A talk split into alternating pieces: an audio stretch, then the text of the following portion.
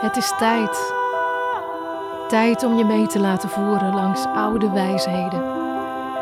Om het vuur te ontsteken dat diep in jou verborgen ligt. Jouw authentieke kracht. De kracht van jouw bloed. Ga mee op deze reis en herinner je wat ooit zo vanzelfsprekend was.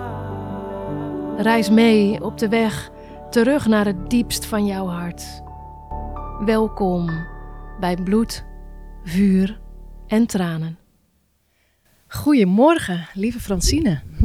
Hallo, welkom hier te zijn. Ja, Francine van Broekhoven van Groene Zuster is vandaag bij ons uh, in de Sisterjoert. En uh, we gaan het hebben vandaag over haar pad. Uh, haar pad in de wereld, maar ook met name wat zij als haar missie heeft om hier in de wereld te zetten. Ik ben haar tegengekomen als, uh, toen zij een thermografie maakte. En ik heb haar mogen ontmoeten. En in, de, in dat gesprek had ik zoiets van: ja, dit zou eigenlijk iedere vrouw moeten weten. Hm. Ja, op het pad naar gezondheid vooral. Ja. Dus welkom, lieve Francine. Ja, dankjewel. Zo fijn om hier te zijn. Mm. Ja. Zou jij jezelf willen introduceren en misschien willen vertellen over jouw pad? Ja, ja.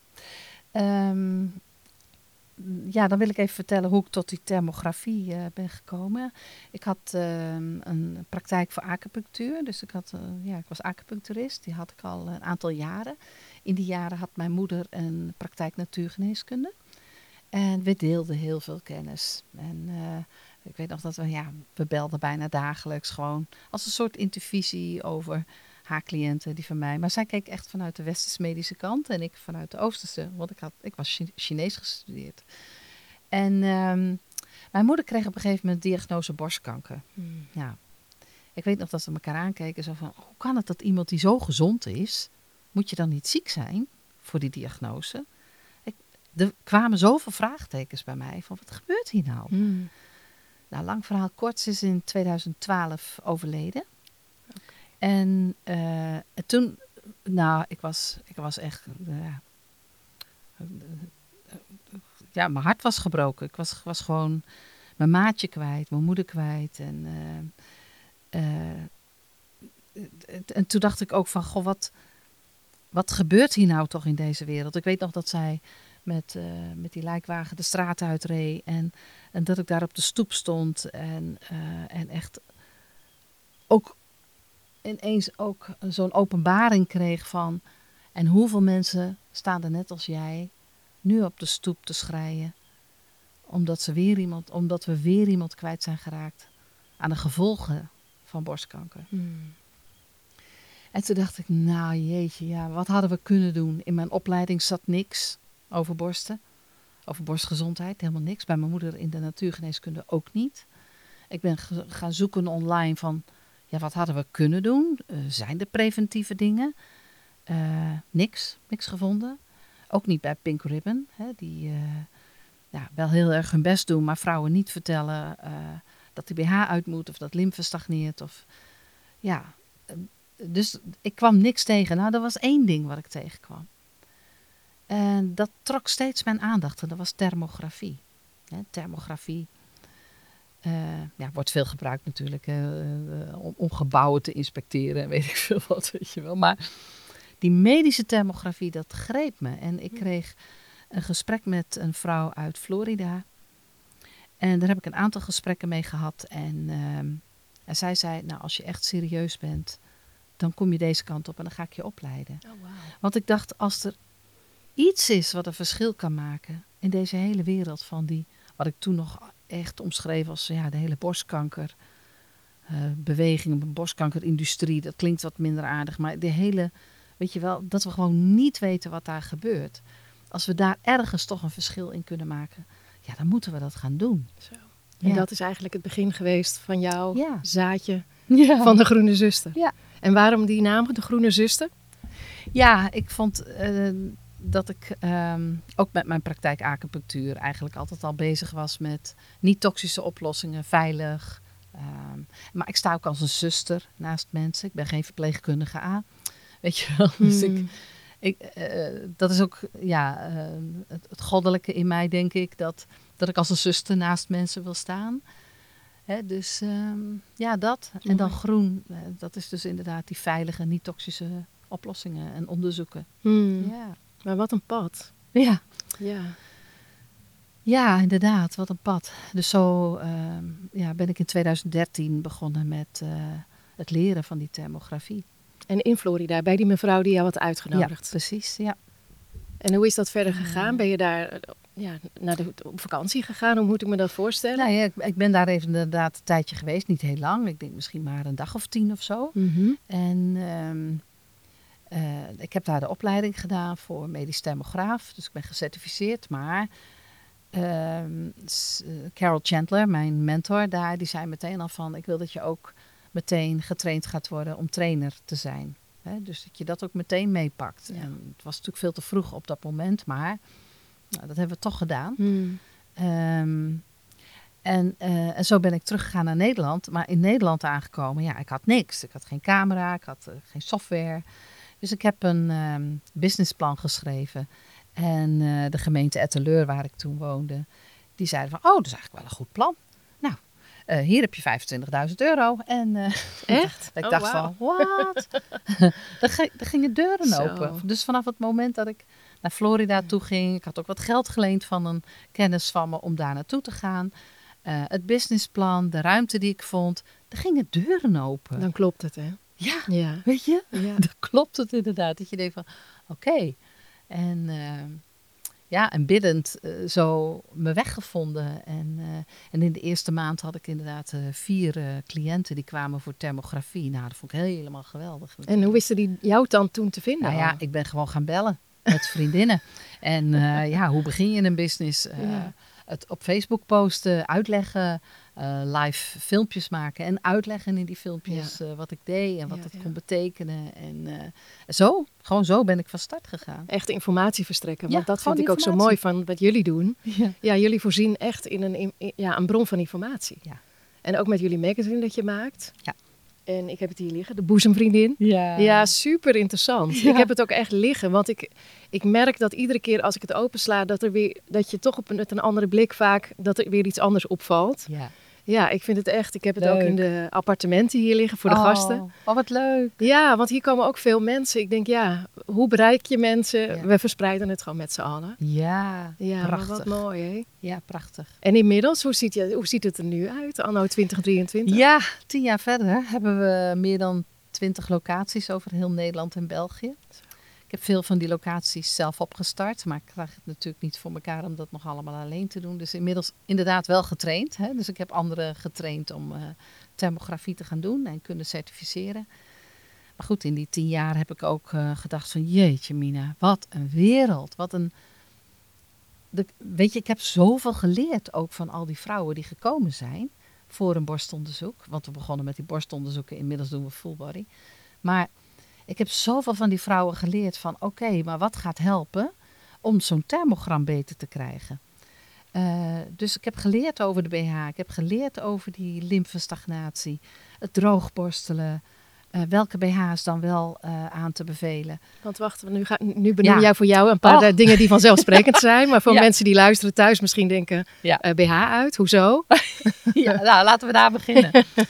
ja, kijk, want de meeste thermogrammen eh, die we hebben gemaakt, kregen toch wel een laag niveau van zorg. En we hebben, we hebben nooit een niet, niet niveau van zorg, maar het is altijd laag. Omdat we, nou, eh, 100% kan je nooit zeggen van, goh, wat is er nou precies aan de hand? Maar door alle ervaring weten we dat nu wel eh, een beetje natuurlijk. Maar, en dan zit het hem in dat eh, vrouwen eh, minder pijn krijgen, eh, meer soepele borsten hebben, eh, hun, hun borsten ook weer makkelijker kunnen aanraken, omdat ze het prettiger vinden om ze dan aan te raken als die hele lymfe weer in beweging komt. Kijk, we hebben natuurlijk vreselijk veel lymfevocht in ons lichaam, veel meer dan bloed. En, ehm, en die lymfe, dat is onze, nou ik noem dat wel eens vuilophaaldienst. Hè? Dus die moet eh, afvalstoffen wegnemen uit je organen, uit je weefsels. En, eh, en die lymfe die ligt vlak onder de huid. Dus als je daar strak elastiek tegenaan doet, dan stagneer je die lymfe in wezen. En dan kun je nog denken, van, nou hoe erg is dat? Maar eh, juist de borsten zijn de plekken waar vrouwen eh, afvalstoffen kunnen vasthouden die ze niet goed kwijtraken. Dus dat zijn, dan, dan moet je denken aan afvalstoffen als ja, hormoonverstoorders. We hebben zoveel afvalstoffen tegenwoordig om ons heen. Lucht, water, voeding. En, en als je niet goed kan ontgiften, dan wordt het ergens in vet opgeslagen. Nou, ehm, borsten liggen buiten het lichaam. Mhm. Die hebben heel veel vetweefsel. En zijn geen vitale organen. Dus ideale plek voor ons om afvalstoffen in op te slaan die we niet kwijt kunnen. Maar ja, als de vuilophaaldienst het dan weer niet op kan halen, omdat die lymfe stagneert, dan blijven we daarmee zitten. En dat kan leiden tot ehm, klachten, pijn, ehm, maar ook ehm, ja, knobbels of kiestes of eh, ehm, ja, dingen die je helemaal niet wil natuurlijk. En het klinkt zo logisch wat je zegt. Ja, ja, het is zo logisch. Ja, als je er gewoon nuchter naar kijkt. Ja, En ja. standaard, ik denk dat 99% van de vrouwen een BH omdoet 's ochtends. absoluut. Ja. Omdat we dat ook geleerd hebben gekregen van onze moeder. Ja. Weet je wel, als je 14 bent of weet ik veel en je begint borsten te krijgen, dan ga je naar de HEMA met je moeder. Ja, Je eerste BH kopen. Ja, Ja, Precies. echt. En ehm, dus ja, t- eh, ik, heb zelfs al eh, eh, een hele leuke video opgenomen een tijdje geleden. Speciaal voor ouders. Van hoe gaan we met onze dochters om met die borsten gaan krijgen? Hoe, gaan, hoe gaan, kunnen we dat anders gaan doen Ja. misschien? Nou ja, Mooie. Ja, dan maar het is wel een mooie beweging inderdaad. Ja, precies. Ja. Hè, maar daarom, eh, kijk, ik ben niet tegen de BH, maar ik ben wel voor dat vrouwen snappen wat dat ding mogelijk kan doen. Ja. Hè, en er is een, een tegenbeweging op gang gekomen over alles wat ik heb gezegd van. En de BH die, eh, hè, die, die veroorzaakt geen borstkanker. En dan denk ik, nee, inderdaad, dat is ook wel wat kort op de bocht. Maar begrijp wel wat hij wel doet. Ja.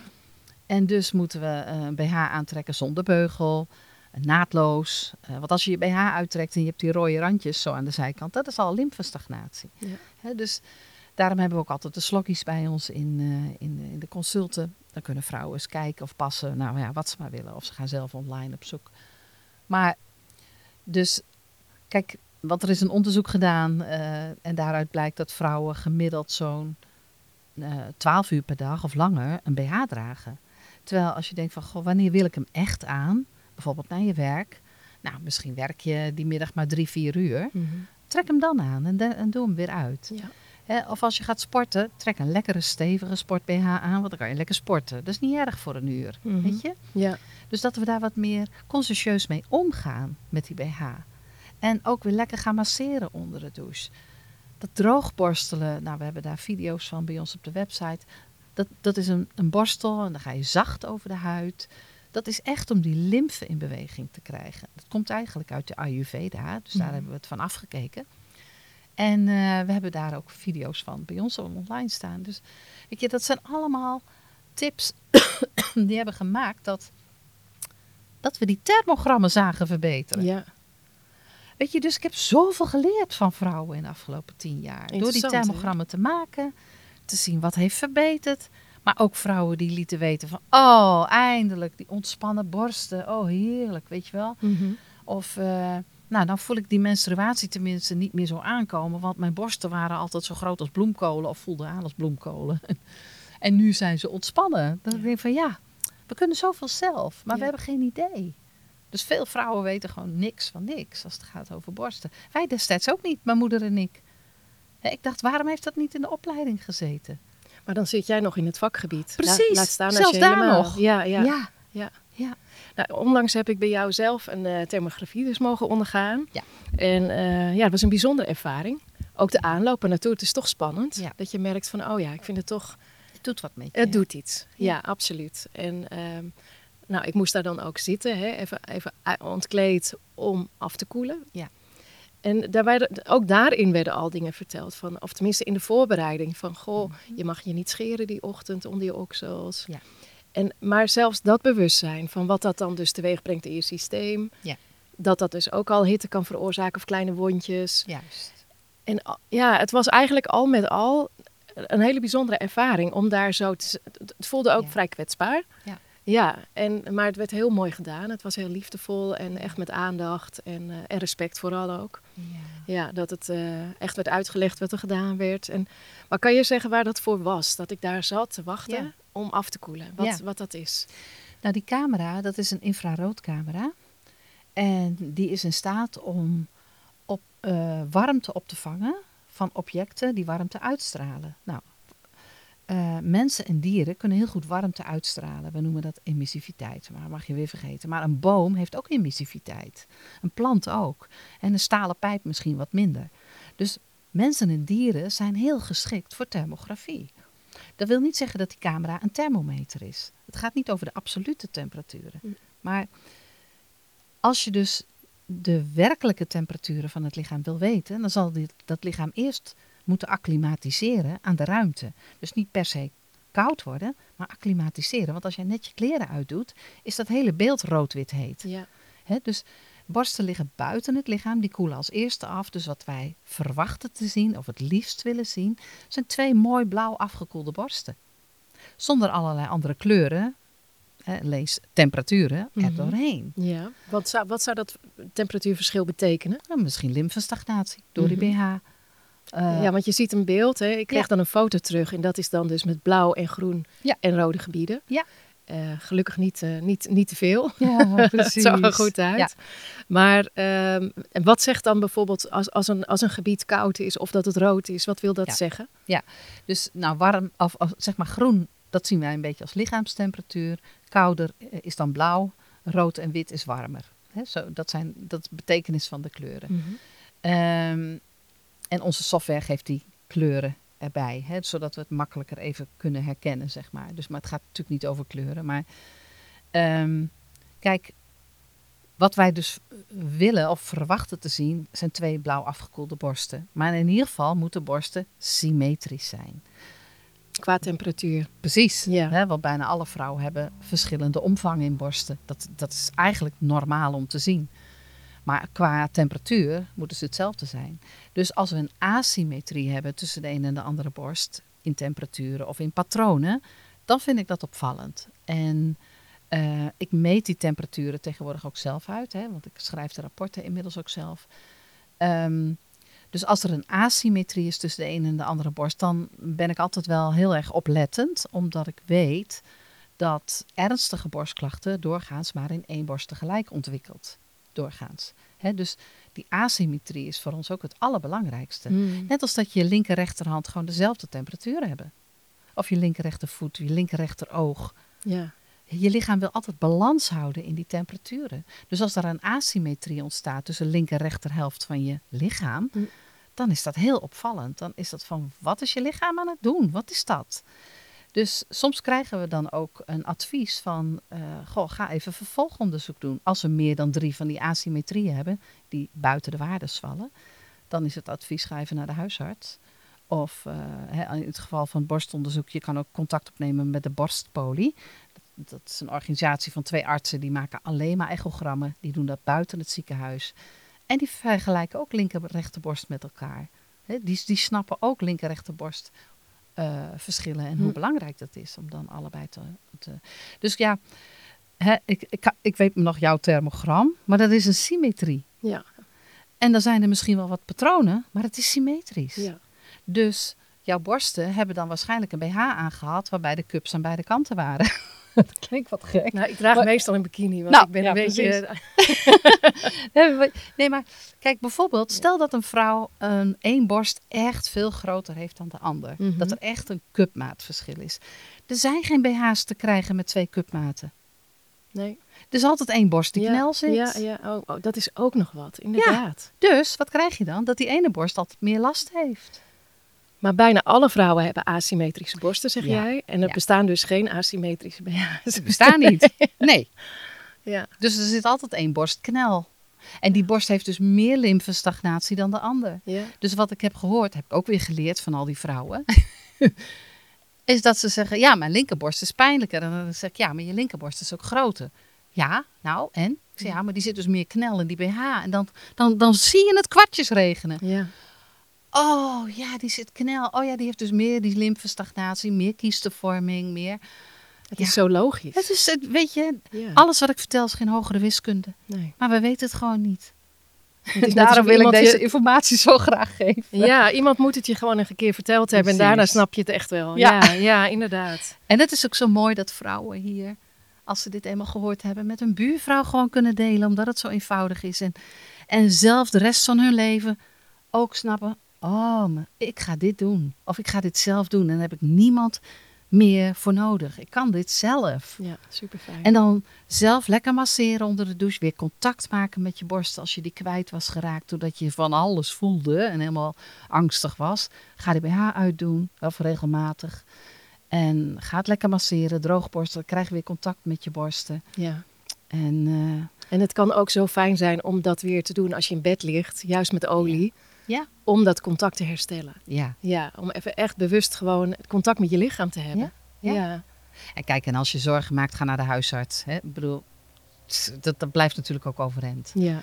Dus als je denkt van nou, ik, ik voel wat of ik voel een knobbel of wat dan ook, ja, dan ga naar de huisarts. Kijk, het zelfborstonderzoek, daar wil ik het ook even over hebben. Eh, we lezen op het internet dat je eh, één hand op, op eh, je tegenovergestelde borst moet leggen, hè, je linkerhand op je rechterborst en dan moet je op zoek naar die knobbel. Nou, hou alsjeblieft op. Want, wat ik net ook al zei, we weten al, ik geloof al 40 jaar, dat ernstige borstklachten doorgaans maar in één borst tegelijk ontwikkelt. Dus hoe kunnen we het beste borstonderzoek doen? Is door twee handen tegelijk aan die borsten te hebben. Want je moet voelen of er een asymmetrie is. Hm. En dan weer niet in die omvang, maar als een borst knobbelig is, dan moet die andere ook knobbelig zijn. En op het moment dat dat zo is, is het minder alarmerend. Precies. Ja, ja, ja. Ja, dus we moeten letten op asymmetrie. Dus als twee tepels intrekken, nou dat vind ik niet zo spannend. Als één tepel intrekt, dan denk ik, waarom die ene? Waarom niet allebei? Dus als er een hormoononbalans is, dan zijn beide borsten vaak knobbelig. Of bij... Dus als iemand een menstruatie aanvoelt komen, dan is het vaak zo dat beide borsten echt eh, aanvoelen als kanonnen, weet je wel. Zo, Mm. Of eh, groeien in cupmaat. Maar als maar één dat doet, dat is eigenlijk raar. Waarom niet twee? Want je hormonen zitten ook overal, Ja. door je hele lichaam. Dus let op die asymmetrie. En dat, dat moeten we ook doen in dat borstonderzoek. En als je denkt van, hé, hey, dat voelt in de ene borst wel, de andere niet. Goh, ga even langs de huisarts en zeg van, wil jij ook even voelen? Nou, dan weet je het. ja. Weet je? Ja. Zoiets. En wat ik zo mooi vond, is dat jullie ook adviseren, eh, tips geven daarna, wat je dan kan doen. Ja. Ja, dus het voelt ook echt wel, ehm, Ja. ja. eigenlijk gewoon heel fijn. Dus je krijgt eigenlijk een soort handleiding mee voor je Ja. eigen lichaam. Ja. Ja, om mee aan de slag te kunnen Ja. zelf. En dat geeft ook iedere ochtend als ik gedoucht heb en ik droog borstel mezelf. Ja, ja. Dat geeft een gevoel alsof je echt actief bezig bent met die borstgezondheid. Ja. Ja. En dat voelt super fijn. Ja, precies. En dingen daarnaast, weet je wel, eh, kleefkruid, kleefkruid thee drinken. Ja, dat doe ik ook. Ja. Ja, Dat brengt die lymfe weer lekker in beweging. ja, ja Of zeker. af en toe misschien dus een hele dag vasten. Maar het zijn allemaal tips. Hè? We behandelen nooit. Ja, Wij geven echt tips. We weten precies nu ook welke zorgverleners we naar door kunnen verwijzen. Omdat zij bij ons online een uur lang eh, thermografie hebben gevolgd. Heel veel zorgverleners hebben we inmiddels bij ons op de lijst staan over heel Nederland en België. De leukste groep van zorgverleners als we het hebben over borstgezondheid zijn toch de borstweefseltherapeuten. dat zijn degenen die of de massages geven, moet ik het Ja. zo zien? Ja. Ja, ja. Het is een ehm, techniek die is ontwikkeld door eh, Hanneke Sprenger. Zij woont in Amsterdam. Zij had zelf mastopathie. Dat is echt een hele vervelende borstaandoening. Waarbij die borsten eigenlijk constant in een soort laaggradige ontsteking zitten. Pijnlijk. Niet veel aan te doen. En zij had een hele goede osteopaat. En, ehm, en zij zei, kun je met die osteopathische techniek waarmee je mij behandelt, kun je mijn borsten eens behandelen? En geen enkele therapeut raakt borsten aan. Dat is gewoon done. Hmm. Tot dat moment. En hij zei van, laten we het gewoon proberen. Dus die is met die techniek daarmee aan de gang gegaan met haar borsten. En dat werkte. Zo. Ze hebben ja, dat uitontwikkeld. Ze hebben daar een hele ehm, opleiding rondgemaakt. Die zelfs geaccrediteerd is inmiddels. Ze hebben, ik geloof al wel 80 therapeuten opgeleid. En inmiddels ja, zijn daar ook nog weer extra lymfedrainage therapeuten bijgekomen. Dus die doen niet alleen die borstweefselbehandelingen. Om, om, dus met die osteopathische techniek, maar ook lymfedrainage. En nu begint er eerder ook eh, een collega van mij, Vrouwke, die begint met een holistische eh, borstbehandelingen. Zo, Er is echt veel in beweging. Hè, Zo vlak. Moet je kijken in tien jaar, hè? Ja, Ja. Ja, Als je ja. dan zegt, ik kon niets vinden, dat is tien jaar geleden. tien jaar geleden. Oh, wauw. En is in echt tien jaar hebben we dus dit. En nu beginnen zij met die eerste opleiding eerdaags. eh, met die holistische borstbehandelingen. Waarbij ze dus echt heel veel dingen samenpakken. Van lymfedrainage, maar ook die osteopathische techniek. Nou, nog een aantal andere zaken. Dat ik denk van, die kant moeten we op. Ja. En dat is zo fijn dat als vrouwen bijvoorbeeld terug horen van een echogram. Ze hadden bijvoorbeeld een hoger niveau van zorg en een echogram gekregen. Nee, ah, er zijn kiestes. Dan denk ik, oké, kiestes. Maar die moeten wel opgelost worden. Of daar moeten we wel wat mee. Laat het niet zo. Of, en dan eh, kan ik aanbevelen naar een borsttherapeut te gaan. Er staan er heel veel bij ons op de website inmiddels. Eh, zoek iemand bij jou in de buurt waar je je prettig bij voelt. Het is geen massage, maar het is echt een techniek Mhm. die, eh, die dat borstweefsel weer vrijmaakt van toxines, verklevingen. Kiestes tot 2, 1, 2 centimeter gaan eruit. Waarbij je borstgezondheid gewoon weer terugkrijgt. En dat zie ik weer terug in die thermogrammen. Fantastisch, hè? Ja, Nou, echt. halleluja. Ja, dat is zo leuk. Dan zie je jou ook Ja. helemaal aangaan. Ja. Oh, leuk om te zien. ja, precies. Ja, maar dit is Ja. dus echt gewoon die hele schakel, die ketting wordt gevormd. Ja. En er komen al meer antwoorden. Ja, Ja, hoe meer bewustzijn er is in dit veld, hoe meer hè? antwoorden er komen. Ja, ja. ja. prachtig. Hè, dus wat ik ook zeg tegen vrouwen is: nee, we doen geen kankeronderzoek. En als, als ze ons bellen van: ja, ik heb een oproep gehad, ik wil graag een alternatief. Ik zeg: nou, weet je, het is niet echt een alternatief. Want als je een alternatief wil voor een onderzoek in je eh, weefsel, hè, wat röntgen is, de mammografie is een röntgenonderzoek. Dan zou je echografie moeten kiezen, want die gaat ook in het weefsel. Mhm. Maar wij kijken in de fysiologie, wij kijken naar die laaggradige ontstekingen. Hè? En, en, en natuurlijk ook verlaagde temperaturen. Dus als er al iets is in die borst, bijvoorbeeld bij mammografie, dan moet daar een laaggradige ontsteking aan vooraf gegaan zijn. Dat is waar wij kijken. Ja. Dus het zijn twee totaal verschillende onderzoeken. Dus vrouwen, inderdaad, als ze veel meer op dat stukje willen zitten, dan kunnen ze kiezen. Maar dan is het, Ja. wat straks noemde je die? De, borst, De borstpolie. borstpolie. Ja, En, ja, en jullie doen dus echt ja, met die thermografie. thermografie, ja. Maar dat gaat dus ook veel verder dan alleen de borst. Ja. Want je kunt je hele lichaam laten Ja. scannen. Ja, precies, Ja. precies. En wij raden vrouwen ook aan die voor de eerste keer komen. Begin nou minimaal met een vrouwenonderzoek. Dat is het hele hoofd-halsgebied, de hele romp. En dat borstonderzoek zit daar goed mee in. Mhm. Want ehm, omdat ik de rapporten tegenwoordig zelf schrijf, zie ik wel eens borsten die nou, wat onrustig lijken bijvoorbeeld. Maar ik vraag me dan meteen af van, ja, maar waar komt het nou vandaan? Het is zelden dat borsten zomaar uit zichzelf ziek worden. Borsten zijn een onderdeel van ons lijf. Mhm. En die moeten we ook als zodanig beschouwen. Niet meer denken van, nou ja, dat is iets, dat leg, ik tussen de platen als ik 50 ben, weet je wel. Maar veel meer integreren in onze gezondheid. Eh, dus borsten worden onrustig van bijvoorbeeld hormoononbalans. Of heb je rugwervels scheef staan. Of heb je ontstekingen in je mond zitten. Want ik zie heel vaak die, die eh, bacteriën of die, dat, dat hypertherme warmtepatroon vanuit die mond richting de borst draineren. Ja. Dus zo kunnen er verschillende dingen te maken hebben met die borstgezondheid. En als we daar in het eerste onderzoek al zicht op krijgen, Ja. nou, dan krijgt die vrouw alweer veel meer tips van, oh, wacht even. Je zou misschien wel naar de dat. tandarts moeten. Precies, misschien moet je wel naar de tandarts. Ja, ja, ja, Ja. maar moet je nagaan hè, hoe dat ook weer logisch zo verbonden zit met elkaar. Dat je dan inderdaad in het borstgebied aan het zoeken bent en eigenlijk misschien wel een wortel, bij de wortel van je kies had moeten zijn. Precies. Ja, Ja. ja super interessant. Dat is ook waarom een holistische tandarts in eh, Amsterdam, eh, die stuurt heel vaak vrouwen door voor eh, borstonderzoek. Want die zegt ook van ja, ik zie dat je die ontsteking al lang hebt. En eh, ga naar de groene zuster. Ja, mooi. Mooi als ook zij bewust zijn van die beweging andersom. Ja, Ja. ja, dat is heel fijn. Hey, en is, er, ehm, is het alleen geschikt voor vrouwen? Nee, is ook voor mannen. Het is ook Ja. voor mannen. Ja, ik heb zelfs kinderen voor de camera gehad. Oh. Omdat die camera meer een detector is, dus informatie ophaalt. We gaan dus nooit het lichaam in. Hè, we halen altijd... Dat vond ik ook heel fijn. Ja. Ja, er werd niet aan me gezeten. Nee. Nee, maar dat is inderdaad Ja, dat je gewoon echt het gevoel hebt. Ja, je, je, je staat gewoon en er wordt een foto gemaakt voor je gevoel. Ja, precies. Ja. Precies. Ja. We raken niemand aan. Je moet alleen even afkoelen of acclimatiseren. Hey, en Ja. bij mannen, als je dit, eh, Ja. is, is er ook een rode draad te vinden als je deze scans zo ziet over de afgelopen jaren? Wat bij mannen echt een aandachts. eh, Mannen is het heel vaak het metabolisme. Dus ehm, hoe verwerken ze, of, of zijn de darmen uit balans? Of wat gebeurt er in de mond, mondgezondheid en houding? Dat waren eigenlijk de Oh. dingen bij mannen. Ja. houding, want dat Houding. veroorzaakt ook Ja, allerlei disbalans. ja stel je bijvoorbeeld, eh, bijvoorbeeld ik heb wel eens ehm, mannen voor de camera met een afhangende schouder, een verhoogde heup. En dan zie ik allerlei dingen gebeuren in die rugwervel. eh, verhitte plekken, die duiden op laaggradige ontstekingen. En dan kun je denken, nou ja, ach, ik heb een beetje pijn in mijn rug, weet je, heb ik, heb ik mijn hele leven al. Maar ja, toch, we hebben natuurlijk signalen vanuit onze hersenen die door dat hele ruggenmerg heen gaan. En bij elke wervel komt een zenuw naar buiten die contact maakt met een orgaan of weefsel.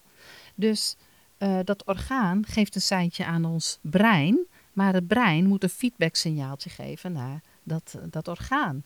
Maar als, dat, als die wervel scheef staat waar, waar die zenuw naar buiten komt, dan heeft dat effect op dat signaal. Mm. Dus het kan zijn dat het signaal niet goed gaat of niet goed verloopt naar dat orgaan, omdat die wervel scheef staat.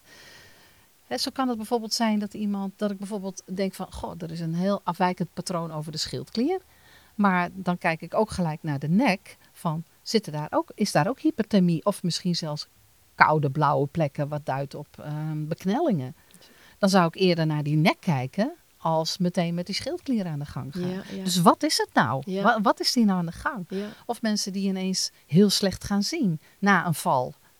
Ja, misschien heb je je nekwervel scheef staan. Ga naar de chiropractor. Eh, nou, weet je, zo komen er van Mm. allerlei dingen. Mooi. Dus mannen hebben veel meer met ja, dat metabolisme wat ik zie, mondzorg en houding. Hè, ze vragen mij natuurlijk ook vaak, kun je iets met de prostaat? Dan zeg ik, nou, dat gaat niet.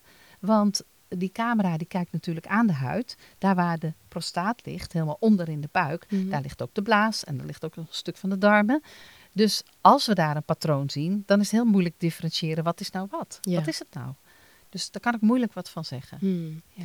En nou hebben wij veel vrouwelijke luisteraars. Ja, ja, ja. En ehm, een, een grote trend is tegenwoordig toch wel natuurlijk eh, de siliconen. Oh ja. En hebben jullie daar ook eh, veel ervaring mee? Ja, om, eh, heel veel. ja. Heel Zou je daar iets over kunnen vertellen? Ja, in ieder geval zou ik vrouwen aanmoedigen het onderzoek te doen bij ons of met echografie, maar geen mammografie meer te doen. Ik mag hè, natuurlijk niemand bij het bevolkingsonderzoek weghouden. Ik zal niemand weghouden bij de mammografie die dat graag wil. Maar vrouwen met eh siliconen implantaten, absoluut. En- in welke zin? mee. Nou kijk, er komt een druk van 20 kilo eh, op die borst bij een mammogram. Hè? Dus die borst die komt tussen twee platen en dan, dan komt ongeveer 20 kilo aan druk op alle implantaten zweten. Dus eh, de mate waarin ze dan die siliconen gaan zweten, wordt gewoon veel hoger. Of de kans op scheuren is zelfs aanwezig. Dus ik zou daar heel voorzichtig mee zijn. Ehm, de siliconen implantaten ja, liggen natuurlijk al een tijdje onder de loep. Mhm. En eh, we kennen inmiddels de breast implant illness Ja. en het ASIA-syndroom. Ehm, en het is niet meer de vraag van, goh, eh, hebben die vrouwen dat tussen hun oren zitten? We weten inmiddels dat het komt van die siliconen. Ja. En 1 op de 40 vrouwen heeft in Nederland op dit moment siliconen implantaten. Het zij vanwege cosmetische redenen voor zichzelf of vanwege borstkankerverleden. dus ehm, ja, het tweede geval vind ik helemaal schrijnend. Want eh, als je dan al zo ziek bent geweest en je krijgt ook nog een implantaat, wat eigenlijk een bedreiging is voor je gezondheid. Nou, dan vind ik dat, ja, dat vind ik verschrikkelijk. Mhm. Dus je hebt tegenwoordig ook hele mooie eh, protheses die je in de BH doet. Nou, die heel mooi en zacht zijn, die ehm, eh, niet meer zo zwaar zijn als die, die hele zware ja, dingen die je vroeger allemaal in de BH deed. Dus er zijn echt hele mooie oplossingen al voor gekomen. Maar kijk, want je eigen borst krijg je toch nooit meer terug. Mm. Ook al denken de chirurgen wel eens van, eh, nou, eh, we lossen het weer op. Dan denk ik, ja, je lost het nooit meer op. Je hebt het trauma van die borstkanker en een borst namaken, dat gaat niet. Nee. Dus Nou is er op dit vlak gelukkig ook wel het een en ander gaande bij de artsen. ja, We hadden hier laatst ook, ehm, ja, op deze locatie verzorgen we ook trainingen. oké. En er was ook een arts en hij eh, verwijdert tegenwoordig acht staat tot één eh, protheses. Dus er worden acht Oh. protheses verwijderd ten opzichte van één die geplaatst wordt. Ah, ja. En die beweging, en ik vroeg me dan af of dat in die thermografieën ook zichtbaar is, wat dat Ja. in een vrouwenlichaam doet. Nou ja, wel eh, wat het in. Dan krijg je dus een hele symmetrische, laaggradige ontsteking die zich helemaal uitbreidt over de hele rug, de hele buik. Ehm, en, dat is, en dat is zo symmetrisch dat we. Nou ja, we gaan er niet van uit dat dat een siliconenvergiftiging is, dat niet. Maar ja, eh, als iemand ons meldt van nou, ik heb helemaal geen klachten of eh, er is niks of ik wil dit gewoon eens doen. maar we zien wel allemaal dat soort patronen. Dan, nou, dan moet er al iets in het metabolisme heel raar aan de gang geweest zijn dat je niet ontgift. Hmm. Hè, dus dan vraag ik me af, waar komen al die laaggradige ontstekingen vandaan? En- dat het niet toevallig is. Je, Ja, je- precies. De toevalligheid is eigenlijk te ja, groot. Ja, ja. En is er dan een cijfer voor dat je zegt van nou, Nee. een- is dat een, een, een, klein deel van de vrouwen of veel? Kom je het vaak tegen? Je ja, ik kom het heel regelmatig tegen Ja. bij vrouwen met siliconimplantaten. En het meest bijzondere bij, eh, als ik dan het heb over het borstonderzoek hè, bij die implantaten, is dat ik verwacht te zien twee egaal blauwe borsten weer. Maar met implantaten zijn ze vaak zo intens koudblauw dat het helemaal naar paars-zwart kleurt. Maar als ik daar dan allerlei verschillende kleuren, hè, temperaturen doorheen zie, dan heeft dat vaak te maken met eh, kapselvorming. Want ehm, kapselvorming is een reactie van het lichaam, een immuunreactie van het lichaam, om het lichaam te beschermen tegen de stroom van siliconen. Want het lichaam blijft bezig met zijn eiwitten om die siliconen te willen afbreken, maar dat lukt natuurlijk niet. En dan gaat het lichaam besluiten er een bindweefsel omheen te bouwen, wat we kapsel noemen. Hmm. En dat kapsel, eh, ja, dat is een, in wezen weer een ontstekingsreactie. Want het lichaam kan alleen maar iets teweeg brengen door ontstekingen. Ja. En dat zie je dan weer terug in die thermogrammen. Ja, ja, ja. Dus ja, en ja, we hebben ook contact met een, ehm, eh, een explantatiechirurg, dokter Kappel. Oh, fantastisch. Ja, zij Ja. is een eh, fantastische chirurg. ehm, als, als vrouwen haar willen zoeken, drkappel.nl. Ja, haar website is ook informatief. Met Ja, die- met- ja waanzinnig. Fantastisch. Ja, we hebben ook een interview met haar gehouden. Staat ook bij ons op de website. Hè, als Mm. vrouwen met implantaten dat nog eens willen zien. Maar zij explanteert ook alleen maar. Ja. En eh, ze is een hele goede plastic chirurg. Dus ze kan nog wel eens wat met buikvet bijvoorbeeld. Wat reconstrueren. Maar ja, het- ja Ja, mijn idee is ook. Goh joh, doe het niet. doe het niet. Nee. Of, ehm, en zeker ook die jonge vrouwen. Dan denk ik, oh, er is niks mis met jou als, als jonge vrouw. Je bent zo mooi. En weet je, het voordeel van, van ons, Sandra. Hmm.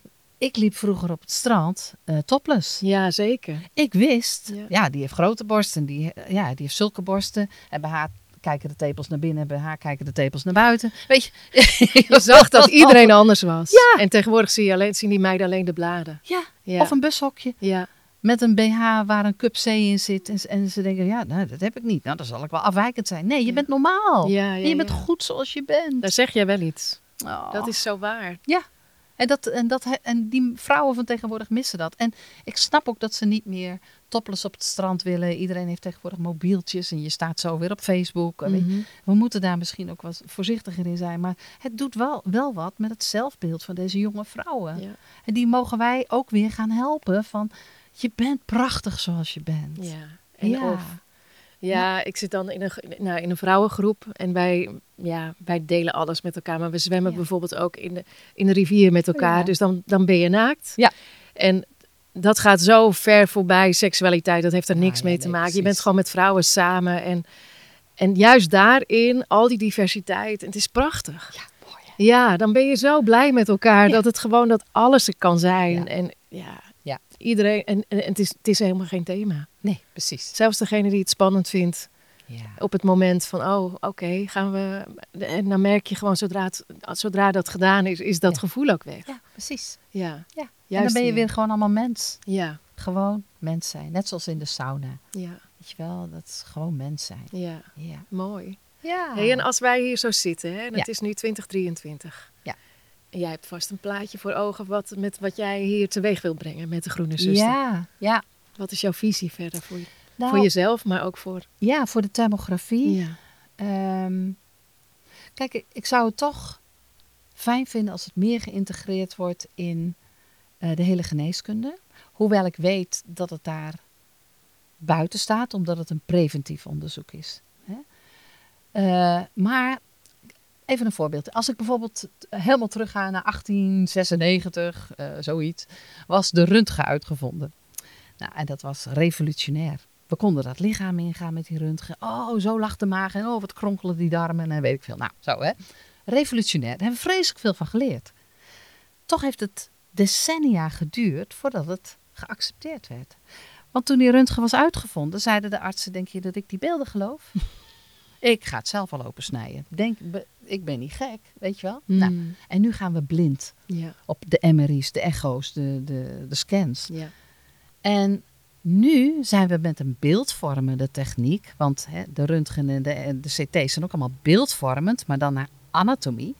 Dit is een thermografie is een beeldvorming, maar dan naar fysiologie.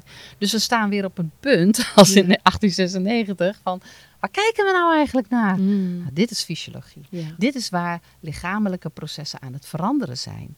En op het moment dat je die laaggradige ontstekingen ziet, dan moet je meteen ingrijpen voordat het chronisch zou kunnen worden. Ja. Want dan verdwijnt die ontsteking en dan kom je terecht in allerlei chronische ziektes. Dus ik denk ook dat die het hele paradigma shift plaats mag gaan vinden, ook onder de artsen. En je hebt tegenwoordig al heel veel fantastische artsen, Mm. die artsen voor functionele geneeskunde. Ja, Die, die begrijpen thermografie ook, net als die holistische tandarts ja zeker. noemde. Die snappen dat. Ja, die Ja. snappen dat.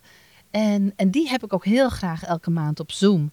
Dat zijn de zorgprofessionals aan wie ik thermografie uitleg. En die denken, ja, ja simpel. Ja, nee, dat snap ik wel. En, en die kunnen dat rapport ook aanpakken van die cliënten van ons. En die kunnen daar verder mee met hun eigen anamnese. Ja. En dan integreert het. Nou, dus als ik, als ik kijk van wat is mijn missie, waar wil ik naartoe, dan denk ik, ik hoop dat er ooit een borstonderzoek komt voor vrouwen vanaf 30 jaar met thermografie en echografie. Dus dat we die twee gaan combineren. Dan zitten we altijd veilig, Ja. zijn we altijd vroeg. Mammografie kan namelijk niet eerder dan 50 jaar. Oh, echt? Wat Ja, is de reden? Dat heeft te maken met de dichtheid van het borstklierweefsel. Alle jonge vrouwen hebben zeg maar dicht borstklierweefsel. En vrouwen met veel overgewicht hebben altijd dicht borstklierweefsel, dus ook voorbij hun vijftigste. Maar dat dichte borstklierweefsel, ze kunnen daar met die röntgen bijna niet doorheen kijken. Dus ze missen. Mm, dus Heel dat is de reden waarom het vanaf 50 is. Precies. Ah, Want door je overgang verdwijnt dat dichte borstklierweefsel, want dat, dat, gaat, dat wordt vervangen voor vetweefsel. Dus die borsten worden wat meer donkerder op een röntgenbeeld. Dus dat wordt zwart. Ja, dan kan je makkelijke dingen ontdekken. mm. Dus, Dus- jij wil eigenlijk, eigenlijk echt die beweging veel meer naar die Ja. jonge vrouwen. Ja. Ja. En dat Ja. klinkt ook eigenlijk heel logisch. Want Maar dan ook weer in vrijheid. ja, ja, ja. Dus voor Zeker. vrouwen die het willen. Dus Ja. niet vanwege een bevolkingsonderzoek en een oproep, maar voor vrouwen die dat willen. Ja, maar. Dat, dat vraagt natuurlijk ook gewoon een stukje eh, zelfverantwoordelijkheid nemen voor je Ja. gezondheid. Ja. In plaats van wachten tot je ziek wordt of Ja. dat je klachten krijgt. Ja.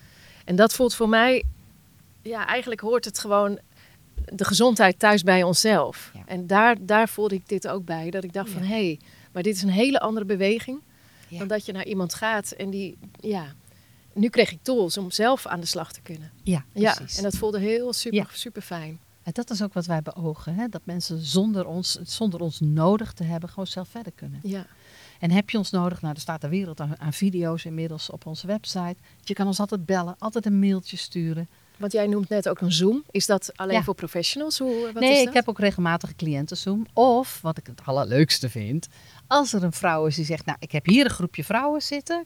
Francine, kom je erbij? Dan kom ik erbij. Echt? Ja, natuurlijk. ja, want voor die COVID-periode, Oh, och, ik, reed, ik reed elke maand wel ergens naartoe in Nederland of België. Mm. En dan was er weer een groep van 20, 30, nou soms wel 80 vrouwen bij elkaar. Ja. Ja, je kan me niet gelukkiger maken met een nieuwe groep vrouwen voor me neer te zetten. Want dan kan ik, ja, dan kan ik die informatie weer delen. Oh, wat super. En dan, maar leuk. dan, heb jij een, dan, dan geef je een lezing of wat moet ik me daarbij gewoon een voorstellen? presentatie Ja? met een PowerPoint erbij. En eh, ik geef vrouwen de kans om alle vragen te stellen die ze maar willen. Ja, super goed idee. En, en op Zoom, daar zit ik echt met de zorgprofessionals. Ja. Hè? Dus dat zijn de paramedici, de ja, artsen voor functionele of de holistische tandarts. Nou, wie maar wil. ja, ja. Dus Gewoon, dat zijn mensen, stel dat mensen luisteren die denken, hé, hey, ik heb een praktijk en ik zou Ja. hier meer van willen weten, dan kunnen Ja. ze zich aanmelden daarvoor. Ja, dan gaan ze naar de website, daar vinden ze informatie en presentaties. Oké. En bij presentaties staat wanneer de volgende presentatie weer is. Nou, dan kunnen ze zich daarvoor inschrijven en dan krijgen ze een link en dan eh, ben je erbij.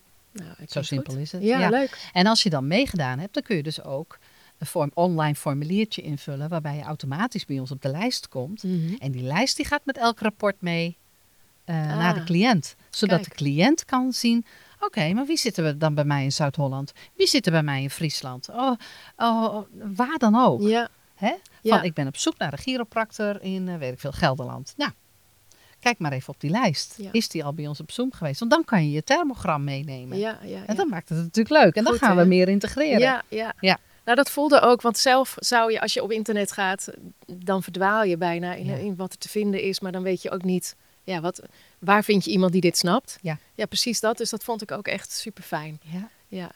Hm. Hey, maar dit is, eh, ja, ik raak Ja. hier ook enthousiast van. Ja. Ja, voor mij voelt het ook echt als een, als een zo, zo'n uitnodiging van om al die vrouwen ook gewoon een stukje bewustzijn mee te geven. Joh, denk veel vroeger na over dit soort dingen. Ja.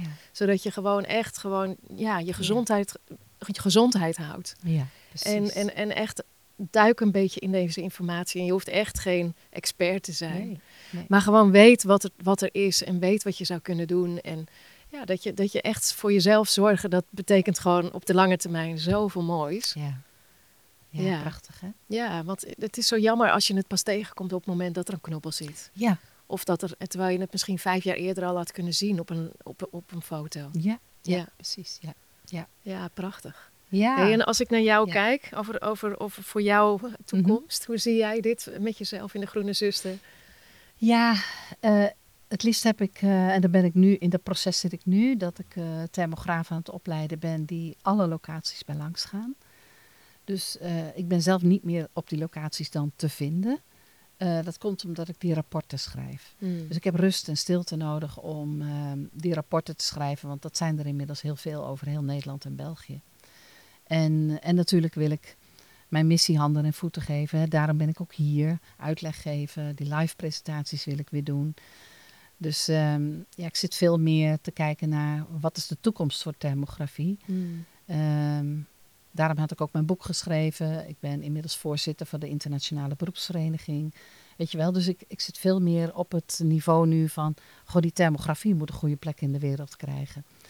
En, ehm, en misschien dat het nog niet eens tijdens mijn leven gaat gebeuren... dat we gaan integreren, weet je wel, met de medische wereld. Dat geeft niet, maar we gaan het wel alvast neerzetten. Ja, mooi. En, al, en, en- ja, en dat het wel doorgedragen wordt, verder gedragen wordt. Maar dan moet het gewoon goed geworteld zijn. Ja. Dat is het. ja. maar dat zie ik jou ook echt doen.